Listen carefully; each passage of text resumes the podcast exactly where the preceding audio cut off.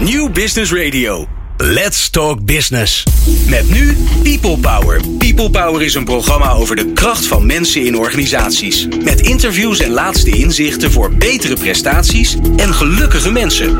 Ja, met uh, deze week weer een People Power Change. Met uh, natuurlijk mijn uh, fijne vriend en collega Jeroen Buscher in de studio. En waar hebben we het met elkaar over? Nou ja, ondertussen is het iedereen wel duidelijk toch dat het ongelooflijk hard verandert allemaal daarbuiten. Alle ontwikkelingen die er zijn in de maatschappij en op het technologisch gebied. En de grote vraag is dan natuurlijk: wat doe je daarmee in je organisatie? Hoe verander je mensen? En moet je ze überhaupt wel veranderen? Dat is ook nog wel een vraag. Want ja, uiteindelijk zijn mensen jouw organisatie. En in People Power Change gaan we in gesprek met mensen die die verandering aanvoeren. En wij noemen ze change agents. Maar het leuke van vandaag is: eigenlijk hebben we vandaag geen change agents in de studio, Jeroen. Eigenlijk hebben we vandaag net weer andersoortige mensen in de studio. En wat dat dan is en wie dat dan zijn, dat gaat Jeroen Buscher jullie vertellen. People Power. Inspirerende gesprekken over de kracht van mensen in organisaties. Met Jeroen Buscher. Uh, wellicht geen change agents, maar sowieso een wijsneusje. Welkom bij People Power Change. En het is toch ongelooflijk geweldig dat je alweer luistert. Ik ga me afvragen, heb je niks anders te doen? In deze aflevering gaan we in gesprek met Zeger Schavenmaker, Innovation en New Business Developer bij Vialis. En Martinus van der Ruitenbeek, innovator bij Vol uh, Volker Infra. Beide organisaties zijn dochter van Volker Wessels, de bouwer. U kent ze wel van die, van die, van die wegen en, en alles waar, waar je je kop tegen kan stoten, zeg maar. Uh, maar onze uh, beide gasten zitten hier niet omdat ze veel van bouwen of zelfs van verandermanagement weten. Ze zitten hier als Sneezers. Hey, sneezers zijn mensen die verkouden zijn van nieuw gedrag. Zo schrijft uh, de, onze managementgoeroe Jeroen Buscher in zijn laatste boek. Aanstekelijk veranderen. Nou, daar hoor ik veel goede verhalen over, August. de manier hoe zij handelen en denken infecteert als het ware hun omgeving. Ze zijn geen change agents in de zin dat ze een veranderopdracht uitvoeren. Ze zijn als het ware de verandering zelf. Hoe denken en handelen sneezers? En dat gaan we in deze uitzending uitzending onderzoeken. En natuurlijk, dames en heren, tromgeroffel. Ik mag u met veel trots melden dat Harry Starre wederom, ja, het is niet te geloven, hij houdt het maar vol, wederom een column gaat verzorgen. Harry is voormalig directeur van Management Development Centrum De Baak, schrijver, spreker en natuurlijk columnist voor het Financieel Dagblad. En bij People Power Change. En sinds kort verzorgt hij ook hier bij People Power zijn eigen programma. Hij zal zijn maandelijke uh, column verzorgen. Maar we beginnen natuurlijk zoals altijd met onze gasten. En dat zijn er deze keer twee, Zeger en Martinez. Ik ga er maar vanuit dat ik jullie bij de voornaam mag noemen. Ik begin uh, bij Martinez. Martinez, wat heb jij eigenlijk zelf nodig om te kunnen veranderen? Nou, het klinkt misschien raar, maar... Um tot nu toe was het eigenlijk een uh, zware weerstand zeg maar, van andere mensen. Of um, een, een soort van een intern geloof. Hè? Dus ik geloof ergens in. En een heleboel mensen die, uh, er zijn het er gewoon niet mee eens. Nou, dan gaat het toch gebeuren, zeg maar. Dus het is irritatie wat tot verandering ja, leidt. Ja, heel vaak. Ja, heel ja. vaak, ja. ja. Oké. Okay. Ja. En wat, wat formeel, als je, je krijgt maandelijks waarschijnlijk ook een bedragje gestort. Uh, wat, wat staat er dan op de payroll? Wat doe je formeel? Nou, dat was een uh, erg lang onduidelijk eigenlijk. Uh, op de, dit moment staat er bij uh, Dr. Innovator. Dr. Innovator. Dat is alleen nog maar van de laatste twee weken. Daarvoor was het nou ja, specialist, constructeur, van alles en nog wat. Eigenlijk alles wat ik niet deed, stond erop. Oh ja, oh ja. En, en want, want jij, jij leidt een Future Lab. Wat is dat? Nou, Future Lab, dat, um, dat is eigenlijk een plek waar um, mensen nu lekker bij elkaar kunnen komen. Alles draait er om een bar, koffie, uh, gezelligheid, mensen, zeg maar. Ja. En um, uh, de filosofie erachter is dat als mensen eenmaal met elkaar gaan praten, dan ontstaan er hele mooie dingen. Ja. En uh, dan, dan, weet je, ze, ze, kijken elkaar in de ogen, um, ze kunnen elkaar dingen vertellen. En ja, het, het is elke keer weer een soort van magic, maar er komt gewoon iets uit. En jouw dagelijks bestaan is nu steeds meer dat leiden van dat Future Lab waar nieuwe ideeën geboren worden. Klopt, ja. ja. En wie was de opdrachtgever daarvoor? Uh, nou, niemand. Niemand? Nee, nee. Heb je rijke papa of mama of zoiets? nou, het is eigenlijk... Um, weet je, er waren een heleboel gesprekken intern van hoe moet je nou uh, omgaan met mensen die, uh, die nieuwe ideeën hebben. Dat zijn een beetje, beetje vervelende types, hè? Want die. Ja. die, uh, die, die begin met klagen. Ja, die, die, die gooien de boel omver en, en begin met klagen. Die wil altijd geld hebben, dat soort dingen. Um, en dat, dat kun je heel slecht plaatsen eigenlijk in een organisatie die professioneel wil handelen. Ja. Um, tot natuurlijk het besef komt van hey, de wereld gaat nu wel zo hard dat uh, je kunt er niet meer omheen. Misschien kletsen die mensen niet helemaal uit hun nek. Pre precies, precies. En um, dus op een goede dag, um, uh, ik was altijd gepraat, een beetje zat. Dus gewoon een uh, bordje ergens ophangen van dit is nu het Future Lab. Um, uh, vind ervan wat je wil, maar dit is nu gewoon een feit geworden. Er was dus een vergaderkamer en op een dag kwamen we daar aan, hing er een nieuw bordje en toen was het een Future Lab geworden. Klopt, ja. ja, ja. Dus tamelijk brutaal. Ja, maar ja, het, het heeft wel gewerkt. Het heeft en, wel gewerkt. Uh, en het was eigenlijk. Um, um, en nu heb ik wel extreem geluk gehad met, um, met, met onze uh, legerleiding. Want uh, op, weet je, ik vertelde dat en opeens was er een soort van een klik. Dus die, die mensen zeiden van, weet je, we gaan het gewoon doen. We gaan het gewoon doen. Ja. En het, het was een soort van een op de andere dag. Um, dat we gezegd hebben, jongens, uh, volgend jaar deze tijd gaan we gewoon zorgen dat hij er is. Punt uit. En of ze het ermee eens zijn, of ze er budget voor vrijmaken. Kletspraat, wij gaan gewoon zorgen dat de goede ideeën in deze organisatie ontwikkeld kunnen worden en een plek kunnen krijgen. Ja. En ik begin gewoon een Future Lab. Klaar. Ja. Ja. Kijk, dat is ja. nog een snierzerschap. Ik ga even naar je collega. Uh, de luisteraars hebben van jou nu een profiel. Nou, Zeger, Zeger, wat staat er op jouw, jouw, jouw loonstrookje? Bij mij staat er Innovation en New Business Developer. En uh, ben je voor die rol ook gevraagd of is dit ook zo'n zelfbedachte functie? Die rol heb ik eigenlijk zelf bedacht. Ja? Uh, ik heb ooit, hebben, we zijn, sinds 1 januari, 1 januari, heeft Vialis de afdeling New Business Development. New Business en Marketing zoals we dat noemen. En daarvoor hebben we een aantal mensen gevraagd in de organisatie die innovatief kunnen denken en anders kunnen denken. Daar was ik er één van. En toen hebben we nagedacht, ja, hoe willen we die functie nou eigenlijk noemen? Nou, het is niet alleen maar innovatie waar we mee bezig zijn. We zijn ook echt bezig met businessmodellen en, nieuwe markten.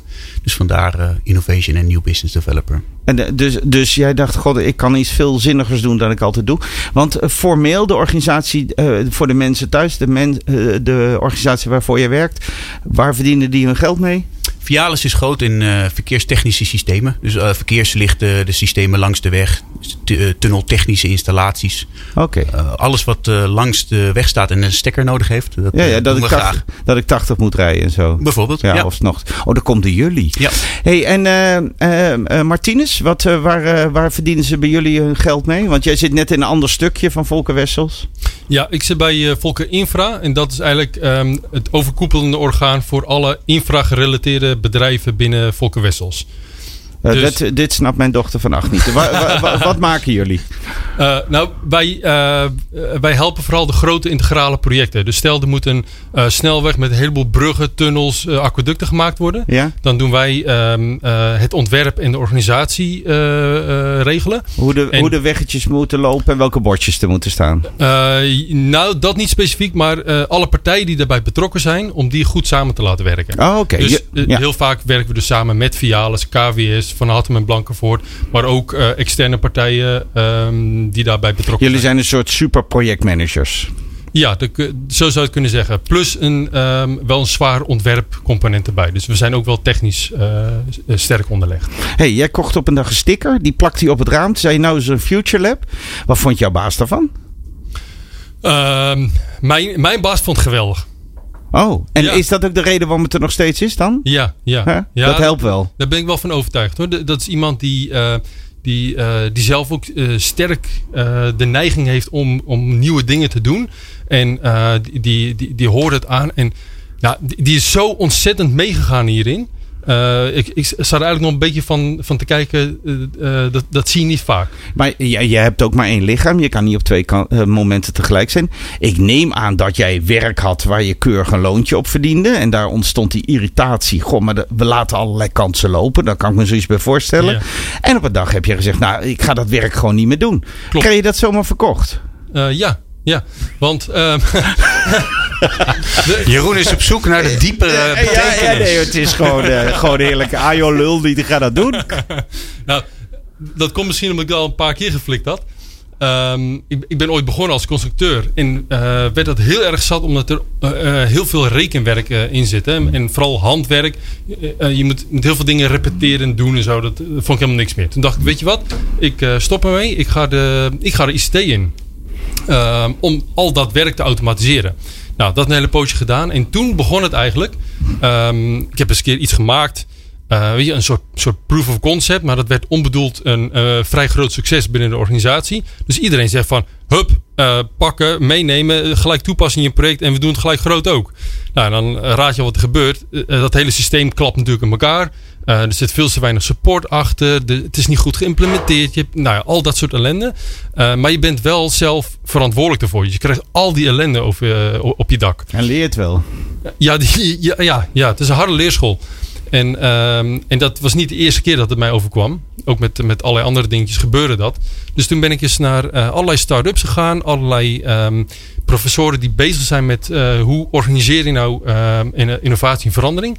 En nou, dat gewoon gaan, ehm, gaan doen. En op een dag heb je dat rigoureus gedaan en zeg je van het is toch eigenlijk te gek, want de anderen lopen meteen dezelfde problemen aan. Ja. Ik begin, ik ga gewoon die mensen helpen. Ja, ja, en wat cruciaal daarbij was, is ehm, ik had een vrij duidelijk proces gevonden over. ehm dat kwam eigenlijk uit de biowetenschappen, hoe de natuur in elkaar zit, eh, hoe de natuur omgaat met crisissen. Ehm, daar is een economisch model van gemaakt. Dat heet het ehm, Adaptive Cycle of Resilience. Eh, en dat past naadloos eigenlijk op eh, innovatieprocessen. En het komt eigenlijk op neer, degene die iets eh, verzint, die vindt het leuk om een soort bom te ontploffen in je organisatie. En, maar die willen daar ook een beetje bij laten, want die willen weer iets, iets nieuws gaan verzinnen. En andere mensen vinden het juist leuk om dat beet te pakken en door te ontwikkelen. En die moet jij organiseren. Jij moet zorgen dat die bij elkaar komen, die mensen, die krachten. Ja, dus ik doe vooral het eerste stukje. Daar, ben ik zelf ook van. eh, Van, eh, van de eh, gekkigheid en malligheid en extreme dingen doen. Ehm, eh, maar wel tot een bepaald moment dat je zegt van oké, het is een proof of concept geworden. We weten of mensen het waarderen of niet. Een business case eraan hangen en dan stoppen. Ja. Dus nog wel pitchen bij, bij de directie. Ja. En zorgen dat het. En dan bemoei jij, en stoppen betekent dan bemoei ik me niet meer mee. Eh, ja, dan, dan trek ik echt mijn handen ervan af. Want anders maak je weer de fout dat je dus veel te lang door blijft gaan met, eh, met die innovatie. En want op een gegeven moment moet je concreet worden en dan moet de eigenaarschap ook bij de ideeënmakers zitten. Je moet het zien als een soort van koe van de kalf scheiden. Het moet op eigen benen staan. Ja, ja. Ja. en het is heel gezond als andere gewoon projectmanagers op een business manier naar het idee kijken. Gewoon keihard erin worden. We praten zo verder eh, met deze beide interessante heren die, eh, die innoveren vanuit het niets. Zonder dat het hun baan is. Ik, eh, ja, Jeroen en ik staan er nog steeds een beetje van te kijken. Hey, Gelukkig hebben we een heel uur om erover door te praten. Glenn, we gaan het helemaal anders doen nu. Helemaal anders doen. God, dat lijken wel ondernemers. Oh ja. Ja, straks meer. People Power. Inspirerende gesprekken over de kracht van mensen in organisaties. Welkom, welkom, welkom, welkom terug. We zitten hier met Martinez en Zeger. Werken allebei bij Wessel. Sorry, Volkers eh, Wessel. Volker Wessels. Dat uitspreken van die namen. En eh, eh, als u het eerste kwartier heeft geluisterd, dan zijn er sommige mensen die denken. Hoor ik dit nu goed? Dit zijn twee mensen die hadden een eh, nette baan. En het grappige is, die hebben ze nog steeds. Maar op een dag zeiden ze: Weet je wat? Wat ik moet doen allemaal in mijn baan, dat ga ik maar niet meer doen. Ik ga heel iets anders doen. En op bijzondere wijze zei hun omgeving: Nou, als dat moet, dan ga jij dat maar doen. En ze krijgen nog steeds betaald. Althans, dat beweren ze. En nee, het zijn geen acteurs. Zeger, jij, eh, jij had op een dag ook van. eh, eigenlijk wat we hier allemaal doen zijn. Er zijn allemaal ideeën die gaan verloren. En- wat ben je toen gaan doen? Het was eh, vooral dat ik eh, heel veel inspiratie nodig had. Om eh, te veranderen heb ik echt mensen om me heen die mij kunnen inspireren met mooie ideeën, leuke uitdagingen. En die had je niet in je projecten? Die had ik wel en die had ik voornamelijk in de gesprekken met mijn klanten. Ik was eh, commercieel verkeerskundige, zoals we dat noemen. Ik ben verkeerskundige opgeleid. En eh, uiteindelijk ben ik daar eh, eh, klantgesprekken, eh, klantenrelaties eh, gaan behouden. Dus jij sprak met gemeente Huttepetut, want die moest een nieuwe rotonde en een nieuw tunneltje. En dan ging jij daar praten. Ja, inderdaad. Vooral voor de verkeerssystemen inderdaad. En eh, in die gesprekken was ik eigenlijk altijd op zoek naar de waarde voor de klant. Want dat vond ik het interessantste aan die gesprekken. Eh, ik eh, werd dan ook eigenlijk altijd, kreeg ik regelmatig het verwijt dat ik dingen verkocht die we nog niet hadden. en toen dacht ik, ja, wat, wat, ben ik nou aan het doen dan? Want jij zat daar met die wethouder. En die zei: Doe mij een rotondetje en een tunneltje. En dan zei je: Nou, wacht eens even, dat kan misschien nog veel handiger. Ja, ik zat, ik zat voornamelijk met de beheerders van, en uh, verkeersmanagers. Uh, die verantwoordelijk zijn voor de bereikbaarheid van een stad. En uh, dan zei ik, ja, we hebben allerlei mooie systemen en mooie oplossingen voor jullie. Maar wat, wat is nou eigenlijk echt jouw probleem? En wat is nou de uitdaging waar de gemeente Hilversum bijvoorbeeld mee te maken heeft? En dat vond ik vooral leuk om te verkennen. en dan kom je niet altijd bij je standaard oplossingen die je hebt al in je portfolio. Dus je was een verkoper die bij zijn klant iets anders verkocht dan we in de winkel hebben liggen? Ja, eigenlijk wel, ja. En toen? Nou, en dat werd ook wel gezien door de organisatie. Uh, en die zeiden van ja, uh, uh, interessant. misschien moet jij meer die kant op gaan. En zodoende heb ik uiteindelijk deze functie gekregen. Maar dat, die inspiratie die zocht ik heel erg binnen Vialis, de onderneming waar ik werk. Maar er waren nog zoveel mooie andere prachtige Volker ondernemingen die hele andere dingen doen. Die bouwen huizen en die bouwen viaducten. En die, die leggen hele netwerkstructuren aan van gasvezel. En daar was ik heel erg in geïnteresseerd. En uh, daar wilde ik me eigenlijk uh, meer over weten. Ik, ben toen, uh, ik kreeg toen een managementopleiding aangeboden. En daar kwam ik. Hij fronst nu. Ja, daar kwam ik tot de conclusie dat ik dus die inspiratie echt heel hard nodig heb. Om mijzelf te laten groeien. En zodoende ben ik mensen gaan opzoeken in de organisatie binnen Volker Wessels. En ik heb steeds rondgevraagd: uh, ken je nog iemand uh, die vervelend is? En ken je iemand uh, die, die, die, die het bloed onder die nagels vandaan haalt en steeds goede ideeën heeft en anders denkt? ik zie een bruggetje naar Martinez aankomen. Zeker, zeker. Martinez is een van de mensen die ik in die tijd heb ontmoet. en ja, we hebben een hele mooie ontmoeting gehad in die tijd. We zijn, uh, we zijn een paar uur door de duinen gaan wandelen. En we hebben het over van alles gehad wat ons inspireert. En, en daar komt een heleboel energie van vrij. Maar ik zie dat zo voor me. Ik, jij zit op mijn afdeling, ik ben jouw baas. Ik doe dat functioneringsgesprek. Uh, we hebben hier heel veel HR-mensen over de vloer altijd. Dan hebben we het functioneringsgesprek en dan doen we jaar één. En dan is nou zoveel tunneltjes verkocht, zoveel omzet gegenereerd, et cetera. En nu heb jij een gesprek en dan hoe, hoe, hoe kan dat dan? Wat doe je dan de hele dag? Ja, ik, ja, ik vond, ik, dat is een lastige, lastige vraag voor mij. Want ik weet eigenlijk niet zo heel goed hoe het gebeurd is. Maar het is denk ik voornamelijk dat, ik, uh, dat die sales liep wel. Die gesprekken met die klanten waren fijn. En, en, en die, die, die omzet die, die was er wel. En daardoor creëerde ik een soort vrijheid voor mezelf. En dan kon ik tijd besteden aan dingen die ik ook wilde doen. Ik denk dat dat gebeurde. Dus ik hoor twee lessen. Ik hoor Martinez en die, die stak een bepaalde vinger omhoog en zei van kom op, uh, daar heb ik eigenlijk geen zin in. Ik ga gewoon iets anders doen. En jij uh, vond jezelf op een dag terug en dacht verrek, ik had het niet eens door, maar ik ben eigenlijk hele andere dingen gaan doen. Ja. Klopt dat het, dat het zo onbewust was? Of had je op een gegeven moment een strijd waarvan je zei ik ga dit doen? Of kwam het echt helemaal uit jezelf dat je denkt Oh, dat is ook wel leuk. De spelende mens. Nee, dat moment van die managementopleiding en dat ik me besefte dat ik echt veel meer met vernieuwing en innovatie wilde doen, dat was wel echt een kantelpunt voor mij, waardoor ik al die andere innovators en vernieuwers ben gaan opzoeken. Maar je bent niet gaan solliciteren op die baan, je bent het gaan doen. Juist. En dat maak je in mijn ogen een sneezer. Maar goed, daar zal ik straks op uitkomen. En zeker, jij, wat is wel grappig hè. En ik snap nu hoe het ongeveer gegaan is. Maar er is een moment dat er jij of iemand dat moet zeggen van nou weet je, die, dat target van dat sales, laten we daar maar even mee ophouden. Je gaat nu alleen maar dat andere doen. Hè? Want het was een soort bijbaan voor je. Je ging, je ging daarnaast innoveren en je laten inspireren omdat je dat leuk vond. En dacht, dat heb ik nodig in mijn werk. Dat verkopen, dat gaat wel. Maar op een gegeven moment heb je dat wel losgelaten. Ja, dat kwam toen met de oprichting van die nieuwe afdeling, die nieuwe business afdeling, waardoor ik de mogelijkheid krijg om volledig met innovaties bezig te zijn. Uh, maar ik hoop wel uh, dat dat proces daarvoor uh, in ieder geval heeft, toe heeft geleid dat die afdeling is. Maar moest je daar dan voor, hè, moest je daarvoor solliciteren? Oh, je bent gevraagd. Ja. Kijk.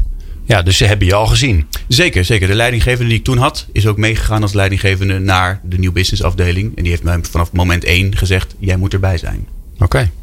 En hoe bereik je nou uiteindelijk effect? Hoe, uh, je, je, je, je gaat op een gegeven moment ga je op zoek, je legt verbindingen. Maar wat bereik je uiteindelijk?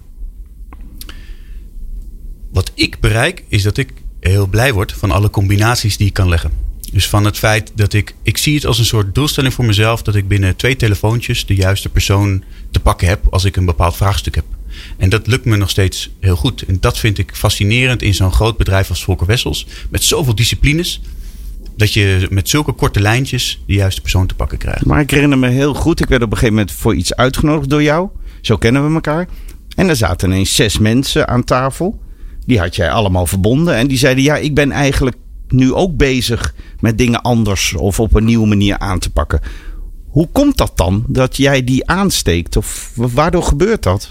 Die mensen die ik toen ben gaan opzoeken, die andere innovators, inspirators binnen Volker Wessels, daar ben ik gewoon mee gaan samenkomen. Dus ik heb de Creative Hub opgericht, zoals ik die toen heb genoemd. Een, een, een, een club van mensen, van innovators, die het leuk vinden om één keer in de zes weken bij elkaar te komen. En te vertellen wat ze doen en wat hun inspireert. En wat ze bezighoudt en welke uitdagingen. En te kijken waar de kansen liggen om samen te werken. Maar uiteindelijk is de, de organiserende kracht is enthousiasme en liefde voor vernieuwing. Absoluut absoluut. Geldt het ook voor jou, Martinez? Zie je dat ook bij de mensen die bij jou in de lab komen? Ja, absoluut. Dat is ook um, zelfs de, de, de, voorwaarde ervoor. Uh, um, als mensen binnenkomen met bijvoorbeeld van... hé, hey, ik heb een goed idee, uh, los het op. Dan uh, dat, dat doen we gewoon niet, zeg maar. Je moet zelf eigenaar willen zijn. Ja, ja en sterker nog, je moet bij je leidinggevende organiseren... dat je daar tijd voor kunt vrijmaken. Ehm, meestal vragen we ook van kom alsjeblieft met een team, want uh, één is geen. Uh, en zelfs met een team van vijf tot, tot zeven man. Uh, en als je het helemaal goed doet, kom een week lang. Nou, dan, als mensen het idee belangrijk vinden, dan gaan ze het organiseren. En als ze het georganiseerd krijgen, dan is het waarschijnlijk ook een belangrijk issue wat opgelost moet worden. Dus je toetst eigenlijk de kracht van het idee of dat idee, los van de persoon, erin slaagt om mensen op de been te brengen. Juist. Ja, want in het verleden was het, uh, had je natuurlijk ook wel uh, uh, dat ideeën verzameld werden. middels ideeënbussen of allemaal, allemaal ja. dat soort dingen. Alleen um, dan was er altijd weer iemand die ertussen zat en die iets goed of niet goed vond. Ja, maar Martinez, ik heb een leuk idee, maar ik heb een heel ouderwetse bazin. En ik heb het al zo druk, maar het is echt een goed idee. Um, um, kan je me dan ook helpen dat ik mijn baas kan overtuigen dat ik hier ruimte voor mag? Dat ik zomaar een week lang in jouw, in jouw uh, vergaderruimte met een nieuwe sticker erop uh, gek mag gaan zitten doen? Nou, um, soms in, in zo'n geval kun je overwegen om even een stapje terug te nemen.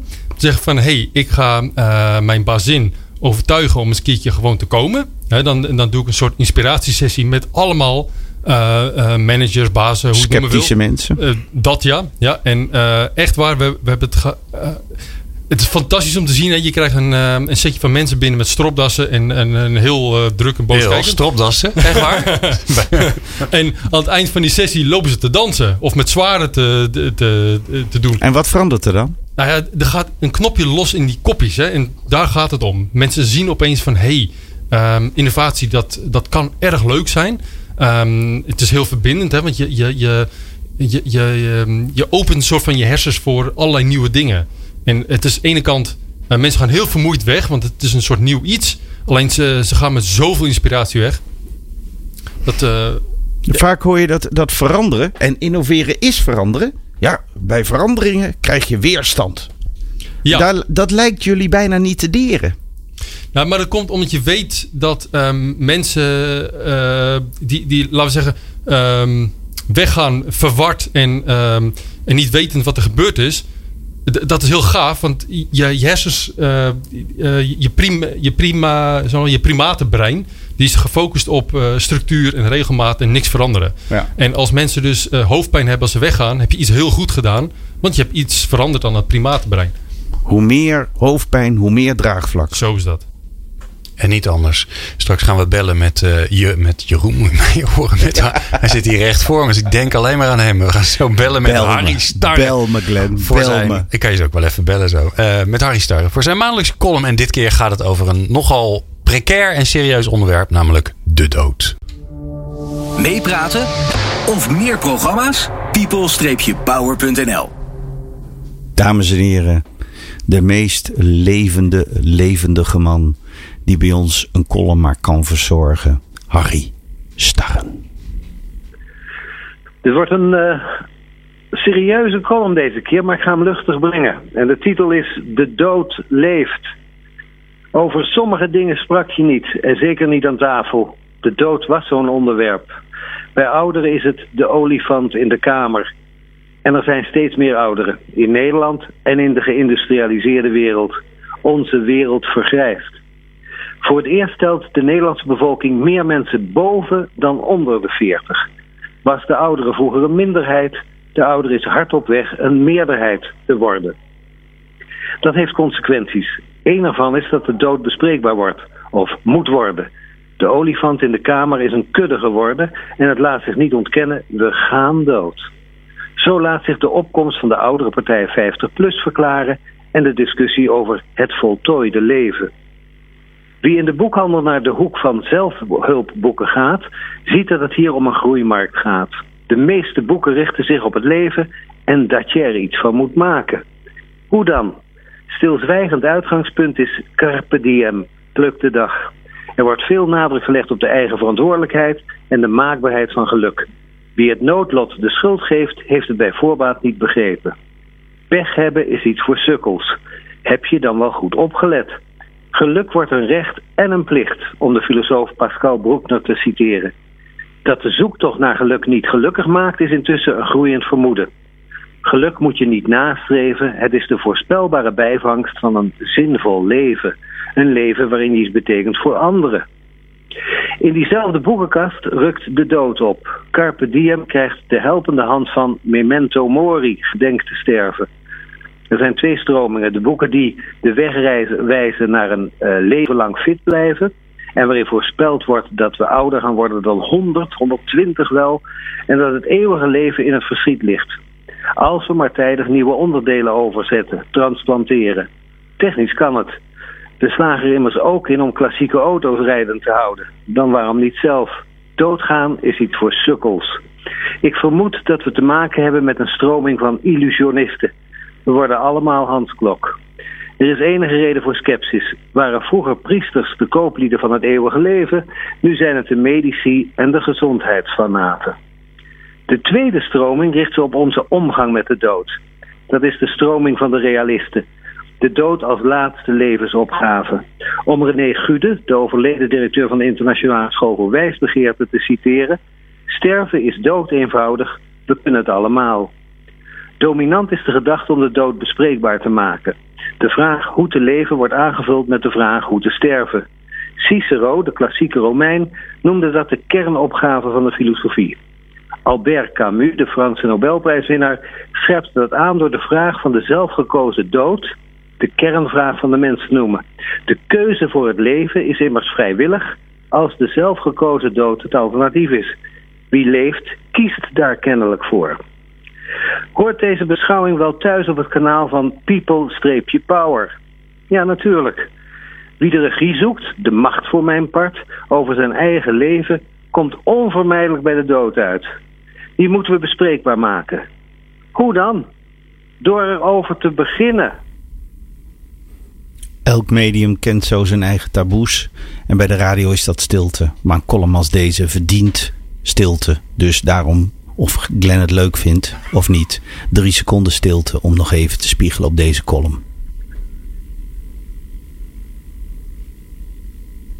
Stukje innovatie op de radio. Kijk. Wij zitten te de praten. stilte duurde te lang voor Harry. Die gaat ja, die denkt, daar, daar begin ik niet aan. We zitten hier bij, met Martinez en Zeger. En eh, ik heb al een paar keer gezegd, zij zijn in mijn visie sneezers. In ouderwetse organisaties, dan dacht de baas na. Dan moest het personeel grofweg uitvoeren wat de baas bedacht had.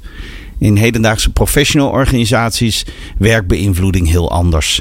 Zeg je nu tegen eigenwijze professionals: jij moet dit en dat en dat gaan doen.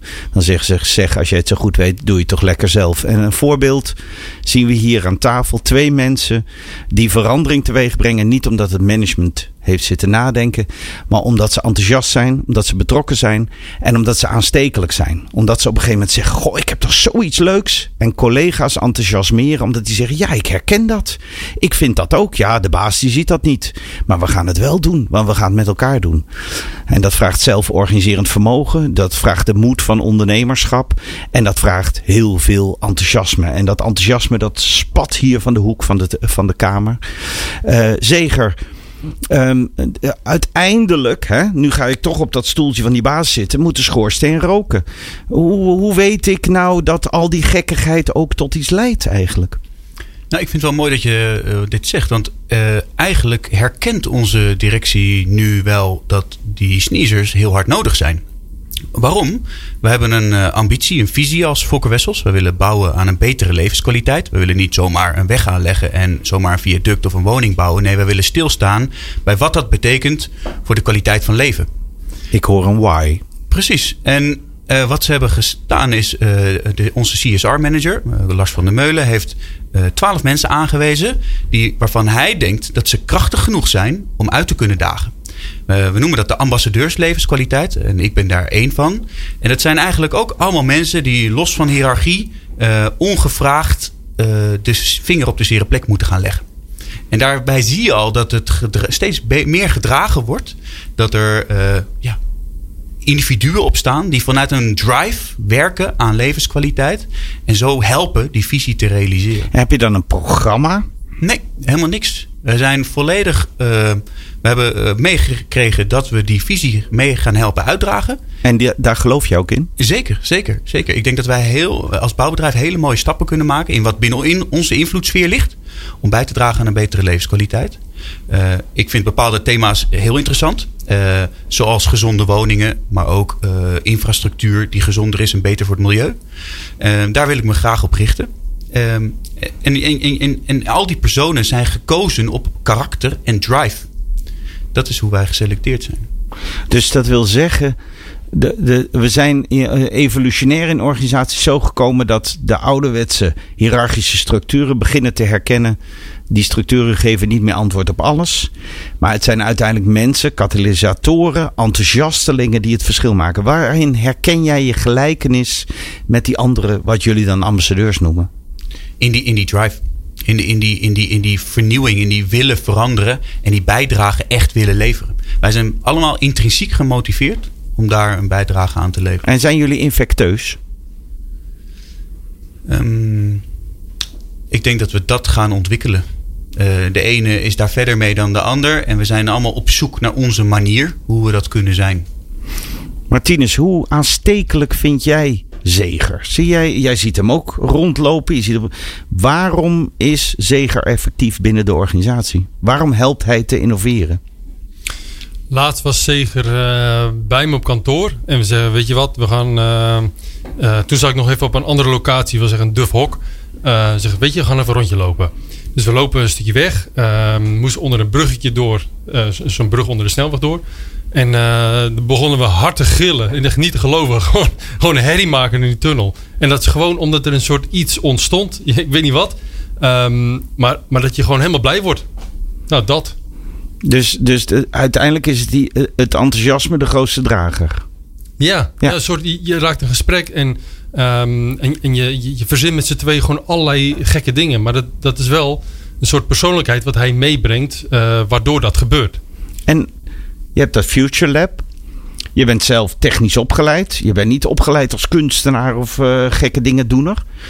Um, hoe, hoe, komt hoe, kan, hoe kan een instrumenteel en logisch denkend iemand vanuit een technische hoek. Hoe, kan, hoe krijgt hij die verbinding met die gekkigheid? Waarom werkt die vonk?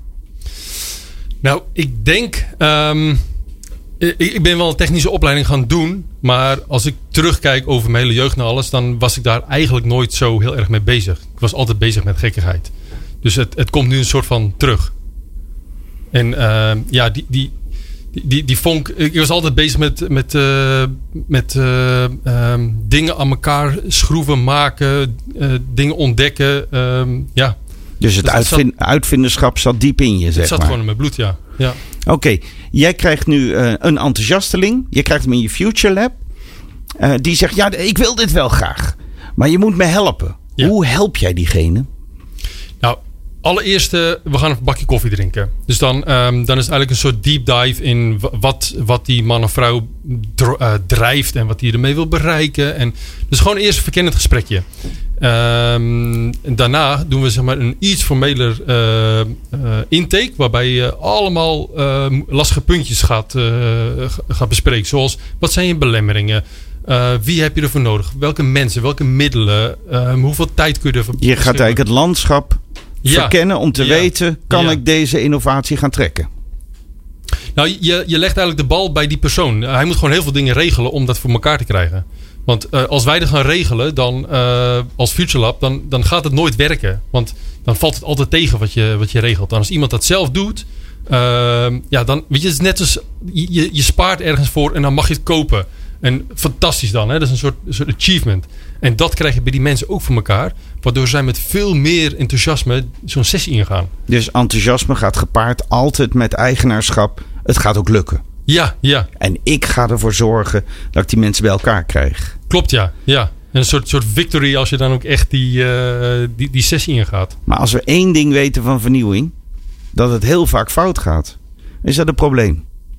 Nou, we zeggen eigenlijk de, de uitkomst van een sessie kan, uh, uh, kan twee dingen zijn. Um, aan het eind heb je iets fantastisch bereikt. Het gaat de organisatie en het vliegt als een, als een sneeuwbal de, de berg af. Um, de andere is, um, je gaat gigantisch op je bek. Maar ook dat moet je zien als een, als een uh, cadeautje.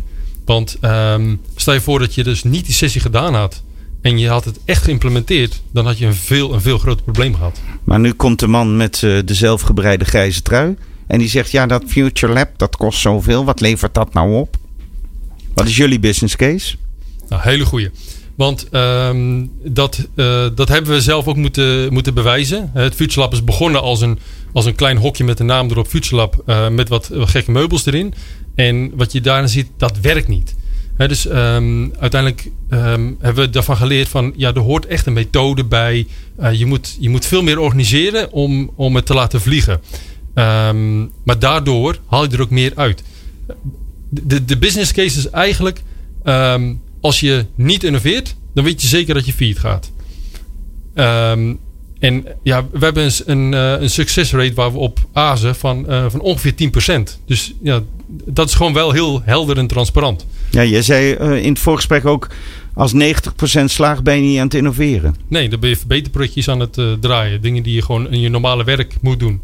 Maar ja, innovatie gaat om proberen, in beweging blijven... en ja, plat op je bek gaan. Heel belangrijk. People Power. Zeger. Gekkigheid is onderdeel van een creatief proces. Je moet dingen eerst losschudden. Uh, we, we, we, hebben gezien enthousiasme, eigenaarschap. Iemand die zegt: dit moet er komen. Maar wanneer slaagt nou innovatie? Die, die 10% die Martinez net zegt. Jullie, jullie zijn al een tijdje bezig om dingen los te maken. Wanneer zie je nou dingen uiteindelijk effectief worden? Wanneer levert het de Nederlanders of de, de wereld wat op. En ook Volkers Wessels wat op. Uh, we weten allemaal, je zijn gewoon een commerciële organisatie. Je moet gewoon je geld verdienen. Dat betekent leuk innoveren, maar wordt dat ooit, hoe komt dat ooit in die markt? Wat, wat zijn die kritische factoren dan? Nou, wij als uh, Vialis uh, stoppen niet bij die proof of concept, zoals het Future Lab dat doet. Wij gaan het dan als werkmaatschappij, als onderneming van Volker Wessels, nemen we het verder mee. Dus we gaan ervoor zorgen dat het dan ook echt met gegronde business case, business model canvas uh, wordt onderbouwd. Dat de ideeën ook echt daadwerkelijk uh, potentie hebben. Daarop selecteren we ook. Dus we gaan ook vroeg met de klanten in gesprek. Heeft dit waarde voor jullie? Uh, zijn jullie hierin geïnteresseerd? En vervolgens uh, uh, begeleiden wij bij Nieuw Business ook de hele, het hele proces tot product. En ik doe even een vooroordeeltje erin, hè, als je er tegen kan de bouwwereld. Hè? Ik zie ze al rijden. Nou, dat is, dat is nou niet meteen het eerste als ik denk aan een innovatieve industrie. Hè? Eh, je krijgt ook allemaal mensen in de organisatie die zeggen: ja, dat kan niet en dat gaat niet. Dat wordt te duur, dat is gekkigheid en dat werkt niet. En ik heb het al zo druk. Hoe neem je die mensen mee? Eerlijk gezegd, persoonlijk richt ik me daar niet op. Uh, dus we zijn wel heel erg van bewust dat we als afdeling uh, goed, goed intern ook moeten communiceren wat we doen. Maar eigenlijk ben ik vooral bezig met bewijzen dat de, de, ideeën die we hebben en de ideeën die van de organisatie komen, hoe we die begeleiden, dat dat gewoon hele succesvolle ideeën kunnen zijn. Martinez, die, die, die organisatie moet er ook in mee. Op een gegeven moment moet al die gekkigheid concreet worden. Dat moet ook winst opleveren. En er moeten mensen zijn, klanten zijn die er zo blij van worden dat ze ervoor willen betalen. Of dat gemeentes of, of wat dan ook zijn. Ja. Jij, jij vertelde toen straks ook dat je uh, ideeën die bij jullie zeg maar uit de grond piepen. Dat je die ook nog wel eventjes zo'n beetje gewoon het nieuwsgierigheid blijft volgen. Uh, wat, maakt dat ideeën eh, commercieel en, en in de wereld eh, uiteindelijk het halen? Ja, dan kom je toch weer op commitment en drive uit. Dus de, de mensen die bij ons binnenkomen, die, uh, die geloven heilig in dat idee. Dat is echt heel belangrijk. Um, nou, aan het begin van zo'n, uh, wat wij noemen een design sprint, dan uh, is er heel veel ruimte voor gekkigheid en teambuilding, zeg maar. Dat heb je kei keihard nodig. Want de rest van de week is knetters hard werken. Dus uh, het is een, een, programma wat, wat op de vijf minuten afgestemd is om, uh, om maar door te gaan en door te gaan. En je moet weer iets verzinnen en je moet weer iets bouwen. Um, eind van de week heb je dus een product of een dienst enorm doorleefd. En um, zoveel energie erin gestopt. Hè, en van alle kanten bekeken en belicht. En dat, dat is wel heel belangrijk voor de doorontwikkeling ervan. Dus uh, uiteindelijk, je levert een proefconcept op. Um, waar, uh, waar je met je klant uitvoerig over gesproken hebt. Um, en op dat moment ga je dat dan ook pitchen aan de directie. Met volle overgave uiteraard. Nou, en dan, um, dan komt er natuurlijk een beslismoment. En vanaf dat moment staat ook de directie erachter met een uh, uh, projectleider en, uh, en een portemonnee. Precies. En dan, dan gebeurt ook wat, wat Zeger zegt. Hè? Dus dat, dat proces na de proof of concept, dat moet je ook gewoon op een fatsoenlijke, professionele manier aanpakken. En begeleid jij dat dan nog vanuit je lab? Nee, nee, nee. voor ons is het echt, wij, wij stoppen bij de, bij de proof of concept om focus te houden op die eerste fase van innovatie. En kilt dan uiteindelijk de stroperige organisatie niet al die ideeën? Um, nee, nee. Want uh, door juist in die uh, vroege eerste fase de directie en de projectleiders aan te haken, uh, garandeer je eigenlijk dat het proces verder goed verloopt. Er komen genoeg eigenaren. Ja. En Martinez, jij noemt het een, een design sprint, hè? Ja. Dat, dat is een term uit de Scrum-wereld. Klopt. Um, uh, kan ik daaruit concluderen dat jullie een soort, uh, soort innovatieversie daarvan gemaakt hebben? Nou, de design sprint is eigenlijk, uh, die komt rechtstreeks bij uh, Google vandaan. Die, uh, Google Ventures die, die gebruikt dat vaak. Um, dat is eigenlijk abstract gemaakt in, in, de, de markt neergezet om nou, vrij veel soorten problemen aan te pakken. voor ons is dat ook een van de methodes om in korte tijd iets te ontwikkelen. Ja. Uh, we gebruiken ook andere methodes hè, als dat uh, beter past bij een specifiek uh, probleem. Oké, okay, maar ja, ik hoor jij dus zeggen: eerst gaan we met zwaarden elkaar de hersens inslaan, dan dat even de gekkigheid loskomt. Ja. Maar daarna heb je een, een, op, hè, een proces wat past bij, bij dat vraagstuk of bij dat idee. Klopt. Zoals de design sprints of nou ja, weet ik veel wat we allemaal, lean, lean, de start-up. En nou, er zijn natuurlijk allemaal mooie modelletjes voor. Klopt. En daar ga je dan in en dat, dat is dan best wel gestructureerd. Ja, dat is heel gestructureerd en Ja. heel, heel hard werken, ja. Ja, Ja, ja dus klopt. het is en gekkigheid Ja. en knijten hard werken volgens. Ja, ja. En het mooie is dat uh, tijdens zo'n uh, zo'n proces van hard werken merk je, um, je moet heel erg letten op de psychologie van de mensen die aanwezig zijn. En je merkt als de energie uh, daalt, nou ja, dan moet je even een oefeningetje tussendoor doen om dat weer omhoog te krijgen. Ja, ja. En voor ons is muziek en kunst en dat soort dingen eigenlijk essentieel om zo'n design sprint goed door te komen. Zeker. Er zijn ook luisteraars die werken bij hele andere organisaties weer. Wat ik heel hoopvol vind, is dat je, zoals ik al zei, je verwacht een, een aannemersorganisatie. Uh, instrumenteel product, uh, technisch product. Er komt nogal wat bij kijken. Niet zo snel deze uh, speelsheid, maar ook deze manier van innoveren. Ik, ik, ik, ik was heel verbaasd toen ik het hoorde. Nou, nou werk ik bij een zorginstelling of nou werk ik bij. Hoe, hoe, wat raad je deze mensen aan? Hoe gaan zij dit enthousiasme, deze creativiteit, maar ook deze kracht tot innovatie? Het is grassroots, het is geen boardroom uh, traject, het, is, het ontstaat van de grond. Wat kunnen ze nou doen om te, om te helpen dat dit ontstaat in de organisatie? Want je kan niet gaan zeggen, nou, jij bent nu heel leuk en jij gaat anderen enthousiasmeren. Hoe doe je dit? Initiatief nemen. Zorg ervoor dat je in beweging komt. En uh, de, de, de inspiratie om je heen zoeken. En voor de een is dat andere inspiratie dan voor de ander. Maar op het moment dat je voelt dat je die veranderingen aan wil jagen, zoek vooral medestanders op. Ik heb um, te lang, denk ik, ook op de. Um, ja, op, op, op, op, collega's gericht. Op, uh, waarbij ik niet altijd die energie eruit kreeg. En dat kostte mij heel veel van mijn enthousiasme. Want je was aan het overtuigen. Juist. En nu heb ik heel veel medestanders en mensen die het leuk vinden om met mij gave ideeën te bedenken. Dus je moet de moed hebben in je enthousiasme te geloven en je, en je herkent de anderen. Ja. Hoe herken jij ze? Ik herken ze voornamelijk uh, door, uh, door dus, dus, die vraag te stellen in de organisatie van uh, wie, is, wie is die dwarsdenker of die dwarsligger. En dan gewoon langs te gaan. En even een rondje te lopen, een kopje koffie met ze te drinken. Wie ben jij, wat doe je en waarom doe je de dingen zoals je doet? Uiteindelijk begint het met menselijk contact. Zeker, absoluut. Dit was People Power Change. Ik praatte met Martinez en Zeger van Volker Wessels. twee mensen die, die niet, geen project runnen die, uh, die niet bezig zijn als vakman te innoveren, maar die overal pokon gooien en als er bloemetjes beginnen te bloeien, die gaan helpen. Uh, Martinez, zijn, zijn Future Lab is tegenwoordig geen, geen ruimtetje meer met een sticker erop, maar een heus Future Lab met inclusief speelvoertuig, maar ook zeer doortimmerde processen. ik spreek mijn bewondering uit voor zoveel ondernemerschap, zoveel moed en eigenlijk ook een bijzondere keuze om dan niet maar ZZP'er te worden, maar in die organisatie te blijven. Want dat eerste, geloof me, dat is als je zo in elkaar zit als jullie, een stuk makkelijker dan wat jullie doen. Mijn diepe buiging en bewondering voor twee rasechte sneezers. Dank jullie wel. Ja, en daarmee eh, komt een einde aan het eerste uur van People Power. En natuurlijk aan het uur uh, verzorgd door mijn uh, fijne collega Jeroen Buescher. En het tweede uur van People Power gaan we het hebben over inzetbaarheid. Duurzame inzetbaarheid. We, ja, we zijn eigenlijk met z'n drieën met de volledige crew van People Power waren we aanwezig tijdens het congres Inzet op Maat. We hebben daar leuke mensen gesproken. zoals Christel van der Ven van Factor 5. En Ber Dame, een van de directeuren van Berenschot. En ehm, ja, daar, die ga je horen. En wij gaan het samen over hebben. Van hoe doe je dat nou? Hoe ga je nou zorgen voor die inzetbaarheid in organisaties? We gaan onze eigen ervaringen delen, maar ook onze eigen vragen. Want ja, je, je kent ons ondertussen een beetje. We hebben, zoals iedereen, meer vragen dan oplossingen. Dus blijf lekker luisteren. Aan de andere kant van het uur zie ik je weer. Nieuw Business Radio. Let's talk business.